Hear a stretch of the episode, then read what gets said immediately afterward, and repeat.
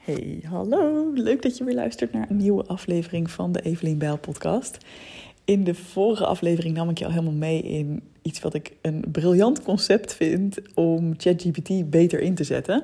Daar vertelde ik je hoe je betere teksten uit de AI kunt halen door hem, uh, hem ik noem het even hem, um, te vragen om jou 20 vragen te stellen zodat hij jouw doelgroep, uh, jouw programma en wat je wil bereiken beter kan begrijpen. Nou, dat klinkt nu heel ingewikkeld, maar basically stel je ChatGPT dus een bepaalde vraag en um, ja, ik leg het allemaal uit in de volgende aflevering. En om even door te werken op dat concept, hè, dus het concept is in plaats van dat je, dat je denkt, ChatGPT moet voor mij alles kunnen beantwoorden wat ik maar wil, maar hè, het werkt niet helemaal lekker. Het concept is dat jij dus ChatGPT vraagt om jou te bevragen over bepaalde thema's, zodat het jou beter kan leren kennen, jouw um, bedrijf beter kan leren kennen, je doelen beter kan leren kennen en daarmee beter voor jou aan het werk kan dus het klinkt eigenlijk een beetje, zit ik nu te denken, als een soort van intake van een, uh, bijvoorbeeld een copywriter of zo. Stel dat een copywriter voor je aan de slag gaat, dan uh, is het ook heel fijn als diegene echt een beetje snapt van, ja, wie ben jij? Wat is je merk? Wat is je doel? Wie is je doelgroep? Waar zitten ze mee? En hoe beter zij dat van jou weten, hoe beter ze jou kennen en snappen, hoe beter ze natuurlijk aan de slag kunnen voor je. Dus dat is helemaal dat idee. En ik zat daar eens op verder te denken. En toen kwam er laatst um, Erwin, een, uh, een businessvriend van mij. Ik heb ook um, twee keer geïnterviewd voor de Evelien Bijl podcast. Laatst nog over LinkedIn.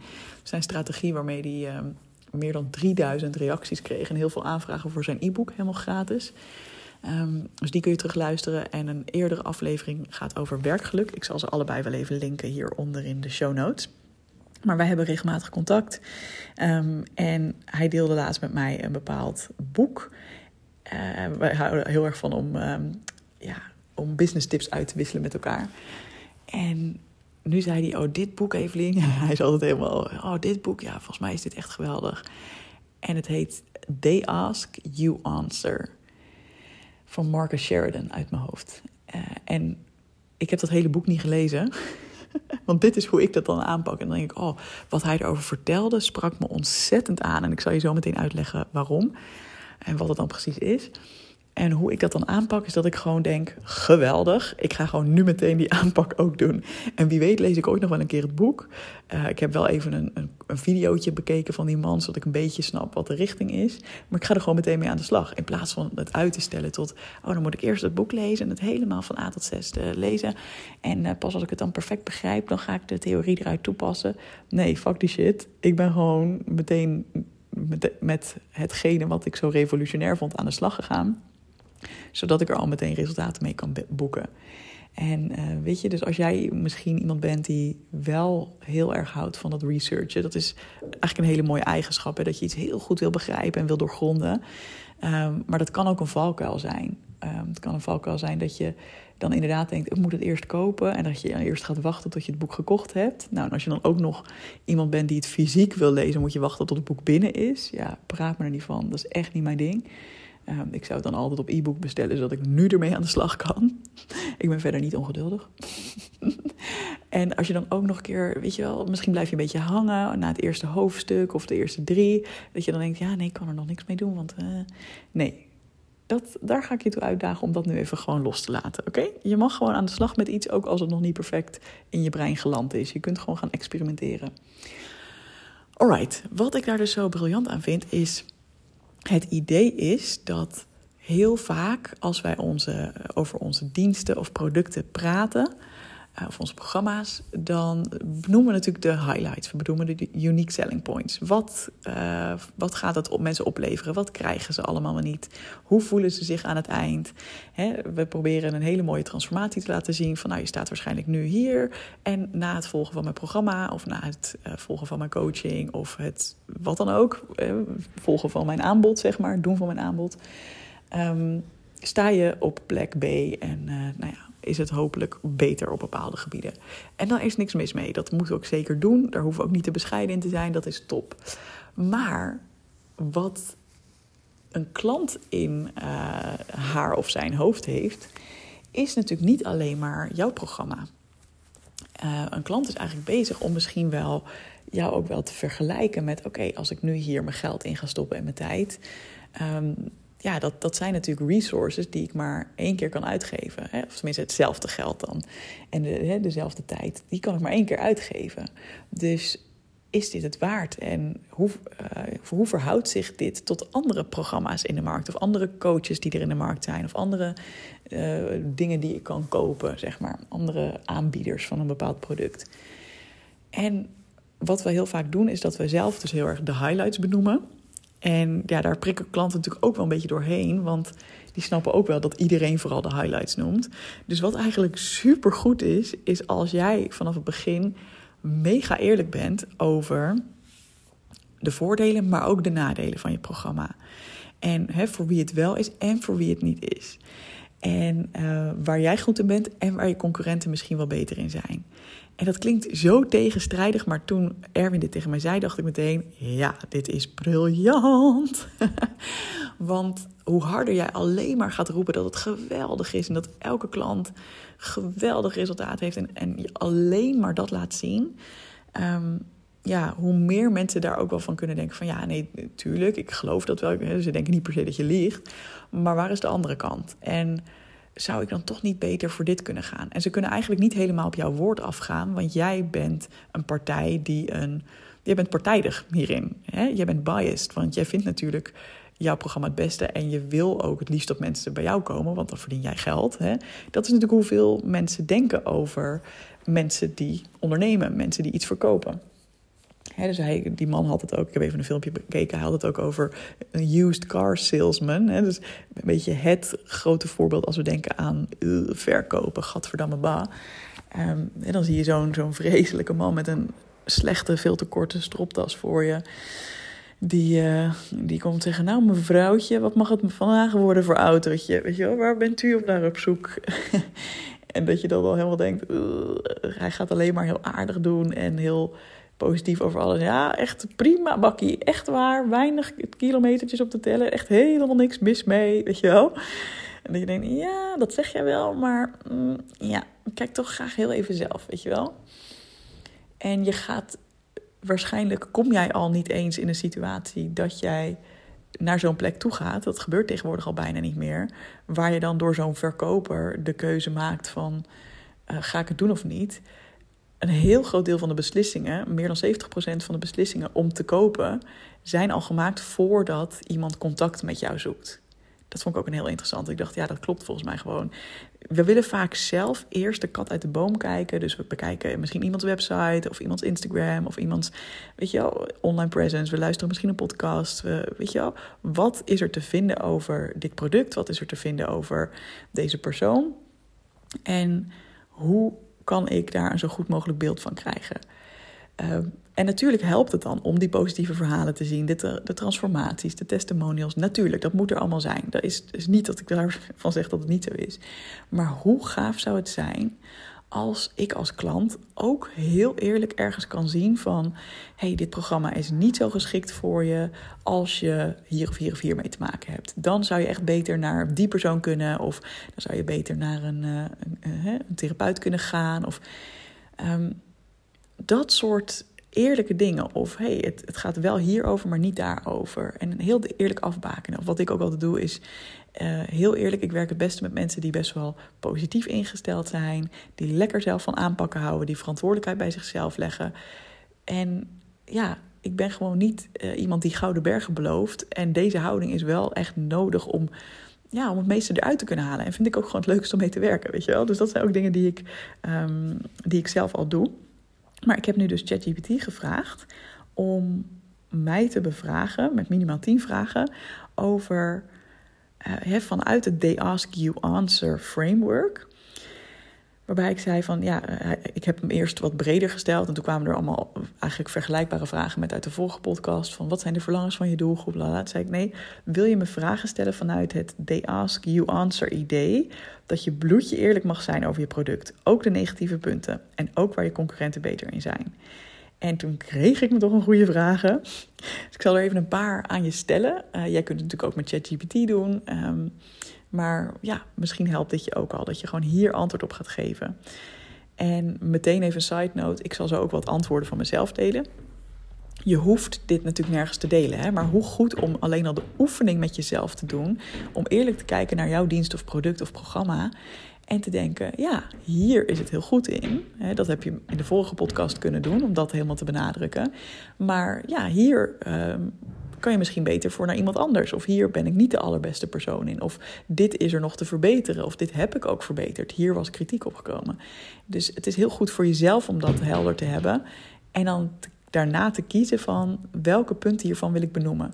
En ik denk dat je er ook weer niet moet overdrijven dat je honderd dingen gaat noemen wat die er allemaal beter kunnen. Of dat je dat heel erg. Maar dat je gewoon een paar punten eruit pikt dat je denkt: hey, dit is even belangrijk voor jou om te weten. En het fijne is, het resultaat van als je dit doet, is dat het vertrouwen veel groter wordt in jou als coach of in jou als ondernemer. Omdat je zo eerlijk bent om niet het gevoel te geven dat iedereen door jou geholpen kan worden. En niet het gevoel te geven dat je iedereen maar binnen wil lurken, maar dat je echt heel helder wil zijn over jouw product en wat het kan betekenen en voor wie wel en voor wie niet. Oké, ik ga je een paar vragen stellen. Wat zijn de gebieden waarop jouw coachingsprogramma, dus dit is even de vraag die ik kreeg, maar veel in de blank voor jou, uh, jouw bedrijf. Wat zijn de gebieden waarop jouw coachingprogramma nog kan verbeteren of waar het mogelijk niet aan de verwachtingen voldoet? Um, Waar zijn andere coachingprogramma's beter in dan het jouwe? Wat doen zij anders of beter? Zijn er bepaalde uitdagingen of nadelen verbonden aan het deelnemen aan jouw coachprogramma die mensen moeten overwegen? Um, wat, waarom zouden potentiële deelnemers kunnen kiezen voor een concurrerend programma in plaats van het jouwe? Wat maakt die andere programma's aantrekkelijk? Um, zijn er bepaalde hiaten in jouw coachaanpak die mogelijk beter kunnen worden aangepakt door andere programma's?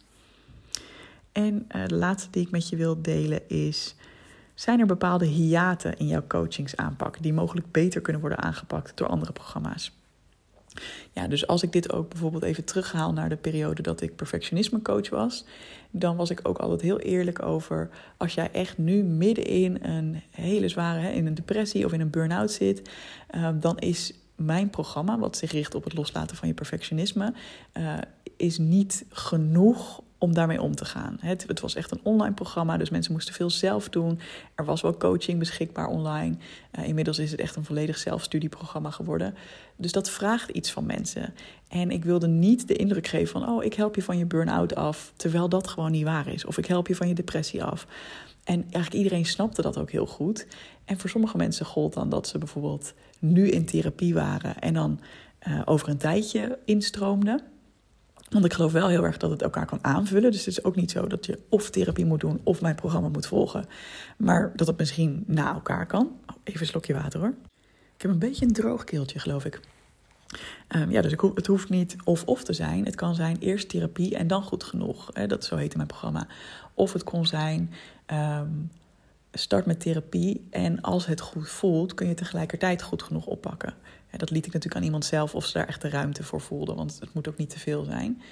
En dat vonden mensen eigenlijk gewoon heel fijn en heel transparant. Dus zo zou jij er ook over na kunnen denken. Hoe dat bij jou zit. Weet je, beantwoord die vraag eens voor jezelf. En ik heb zelf ook gewoon heel eerlijk de vragen beantwoorden van... Uh, wat zijn voor mij, hè, als ik nu kijk naar de Perfectionisme Coach Academie, waarin ik dus mensen um, ja, begeleid die of al coach zijn en meer over perfectionisme coaching specifiek willen leren um, en het ondernemerschap. Uh, of mensen die een droom hebben om mensen te helpen op een bepaalde manier. Uh, die begeleid ik om dus nou ja, daar eh, te leren van hoe pak je dat dan aan, specifiek op het thema perfectionisme. En ook, um, ik deel mijn ondernemerslessen, zodat ze ook een stapje op weg geholpen worden in het krijgen van hun eerste klant. Um, maar waar, uh, wat zijn de gebieden waarop mijn programma nog kan verbeteren of waar het mogelijk niet aan de verwachtingen voldoet? Ja, een van de dingen is, het is een net nieuw programma. Ik ben nu de eerste ronde aan het runnen. Dus ja, de, uh, ik krijg nu al hele positieve feedback van mensen. Dat is geweldig. Uh, maar ik heb het natuurlijk eerder nog niet getest. Hè? Dus ik wist eerder ook niet van... Um, zijn mensen die dit volgen hierna beter in staat om mensen bijvoorbeeld te coachen op perfectionisme coaching?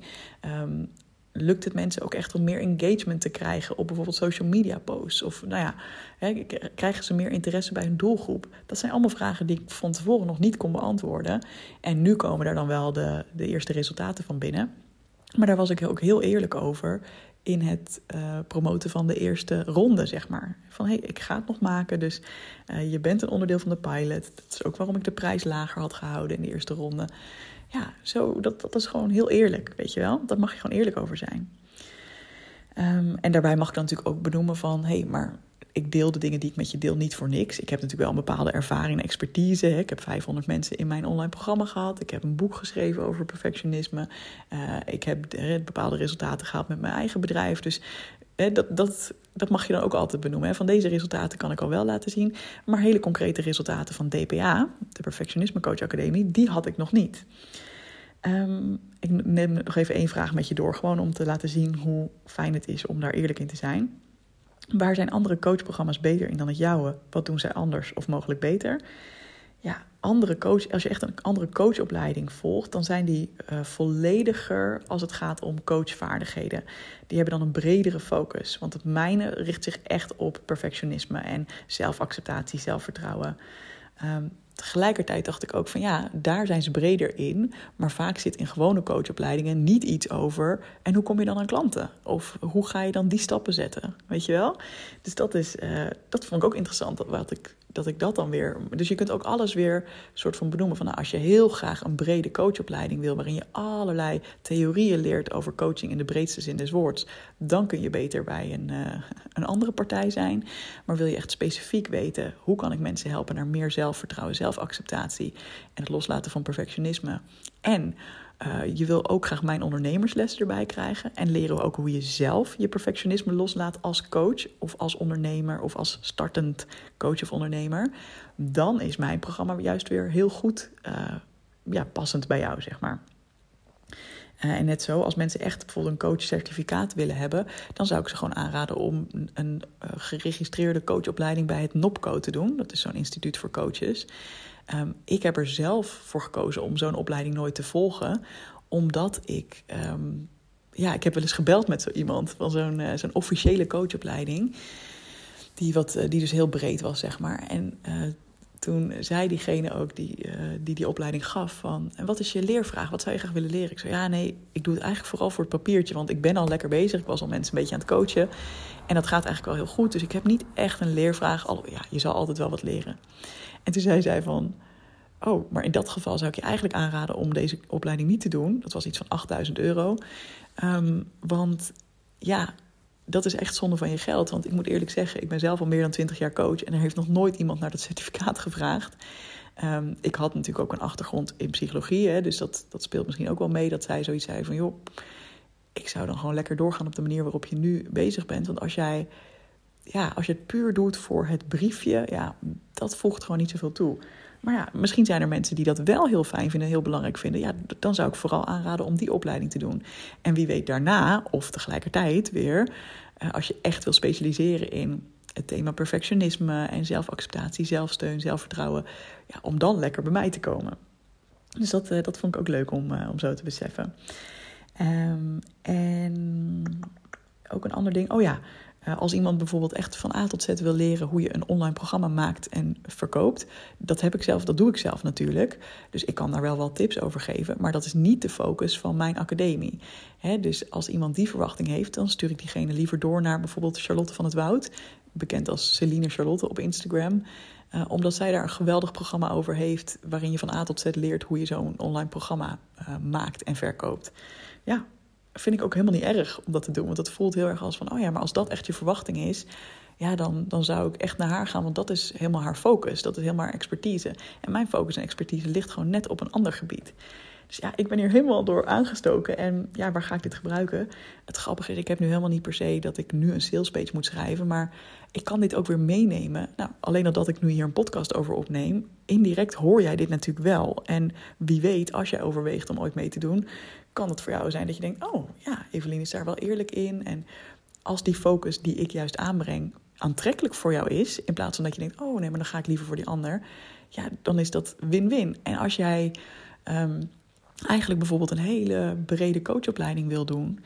Um, dan is het juist fijn als jij nu daardoor, doordat ik dit even benoem, dat weet van, oh, dan, dan stap je ook niet in mijn programma in met een soort van verwachtingen die ik niet waar kan maken. En waardoor jij teleurgesteld bent en helemaal niet de resultaten haalt die jij zou willen halen. Dus daar heb ik ook niks aan natuurlijk. Ik wil natuurlijk zoveel mogelijk blije mensen hebben en blije klanten. Dus uh, ja, dus wat ik ermee ga doen. Ik denk dat ik het af en toe misschien eens een keer zo drop uh, in, mijn content die ik maak. Ik uh, denk dat als ik mijn salespage ga. Heb ik eigenlijk een salespage? Ik ben hier altijd zo slecht. Heb ik een salespage? Ik, ik vergeet dat ook altijd. Heb jij dat ook? Dat je denkt, oh god, soms dan schrijf je heel veel. Ja, ik heb een salespage. Ja, ik had een 1.0 versie gemaakt. Die gewoon echt een beetje was, oké, ik schrijf zo snel mogelijk even wat dingen op. Ja, voor de tweede ronde kan ik daar weer allemaal dingen aan toevoegen. Um, op basis van mijn ervaring, maar ook op dit soort, op basis van dit soort inzichten en vragen. Dus ik ben helemaal excited hierover. Laat me even weten of jij hier ook iets mee gaat doen. En uh, ja, ik zou het heel leuk vinden om dat van je te horen. Dat kun je me altijd laten weten op Instagram. Je vindt me daar op Evelien. En uh, volg me ook even als je me nog niet volgt. Dat vind ik gezellig. Um, ja, en als je zou willen, je waardering zou willen uitspreken voor deze podcast, dan kan dat door me vijf sterren te geven op Apple en of op Spotify. Um, en heel lief als je een keer een aflevering met iemand deelt. Of als je het gewoon eens over hebt met iemand. Dat je denkt, ja, het is een leuke podcast. Daar moet je ook eens naar luisteren. Dank je wel alvast. En heel graag tot de volgende.